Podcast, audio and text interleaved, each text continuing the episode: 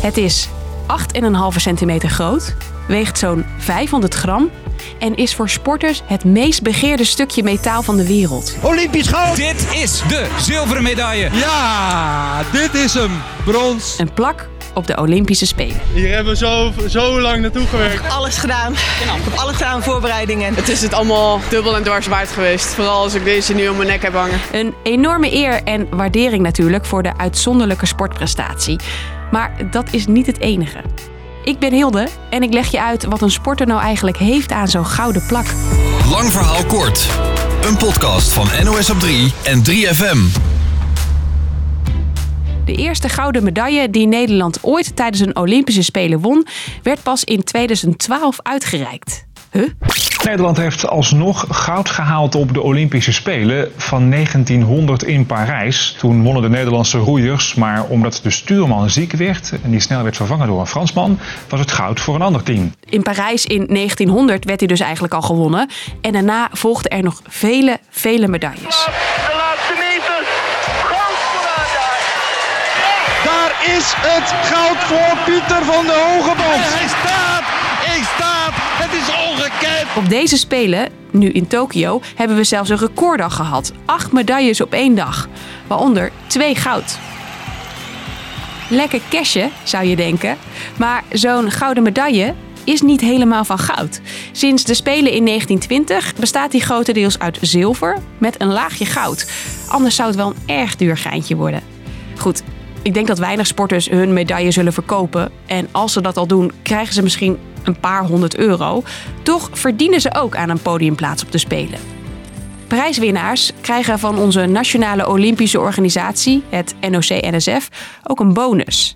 30.000 euro voor een gouden medaillewinnaar. 22.500 euro gaat naar een zilveren plaats. En de bronzen medaillewinnaars krijgen 15.000 euro op een rekening gestort. Als een sporter meerdere medailles wint, zoals bijvoorbeeld Van Vleuten, En Annemiek van Vleuten is uiteindelijk toch blij met zilver. Geweldig van Annemiek van Vleuten. Ze heeft hem binnen. De gouden medaille. dan blijft die geldkraan niet zo hard lopen. De tweede medaille, goud, zilver of brons, levert twee derde van het prijzengeld op.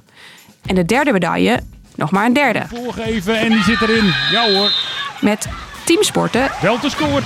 zit het wat anders. Want als een heel hockeyteam goud pakt, dan is het NOC zo blut. De organisatie heeft daar een rekenformule voor. Hoe kleiner het team, hoe groter het bedrag per persoon. Dus deze roeiers De onverwoestbare vier wint hier goud. krijgen dan 15.000 euro per persoon.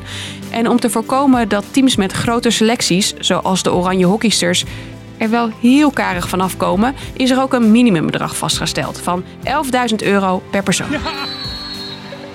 Dus zo doen we dit in Nederland. Maar omdat het Nationaal Olympisch Comité dit bepaalt, is het per land anders. Amerikanen krijgen wel ongeveer hetzelfde van een Olympisch Comité. Maar landen die over het algemeen wat minder medailles binnenhalen, zijn een stuk guller. Singapore has won an Olympic gold medal. Een Singaporese atleet kerst maar liefst ruim 625.000 euro als hij een gouden medaille mee naar huis neemt. Een dikke 3 ton voor zilver en bijna 2,5 ton voor een derde plaats. En Maleisië betaalt naast een enorme prijzenpot van 2 ton voor een gouden plak ook een maandelijk salaris uit voor een medaillewinnaar voor de rest van zijn of haar leven. Goed, je hebt nu een heleboel bedragen gehoord. Hopelijk duizelt het je niet, maar Leuker kunnen we het niet maken, wel makkelijker. al die leuke bedragen krijgen de Nederlandse atleten niet zo handje contantje overhandigd. Ze moeten daar belasting over betalen. En die zo'n beetje ook kan wel oplopen tot de helft van het prijzengeld. In veel andere landen, zoals Amerika, mogen sporters het prijzengeld wel helemaal houden. We should celebrate their achievements rather than tax their success. Daar is die zogenoemde victory tax afgeschaft. Want niet alle sporters hebben ook nog een fijne sponsordeal waar ze van rond kunnen komen. Dus, lang verhaal kort. Naast de eeuwige roem, de eer, het belletje van Rutte Hallo, ja? En het applaus van de koning, krijg je als medaillewinnaar op de Olympische Spelen ook een aardig bedrag. Van het Nationaal Olympisch Comité. Dat is dus per land geregeld. En zo kan het dat een Singaporese atleet 20 keer zoveel binnenhengelt als een Nederlander, die daar ook nog eens belasting over betaalt. En waar jij ook belasting voor betaalt, een mooie nieuwe aflevering van Lang Verhaal Kort, maandag rond vijven in je favoriete podcast-app. Denk je nou, hé, hey, voor dat geld wil ik ook wel wat doen? Stuur je gouden tip of vraag naar lvk.nos.nl. Vond je deze podcast interessant? In de 3FM-app vind je er nog veel meer. Zoals deze. Ik heb geen flauw idee waar ik mezelf nu instort. Wat doe je als je je vader nooit hebt gekend? Bestaan er kinderfoto's van mij waar hij ook op staat? Nee, ik denk het niet. Nee.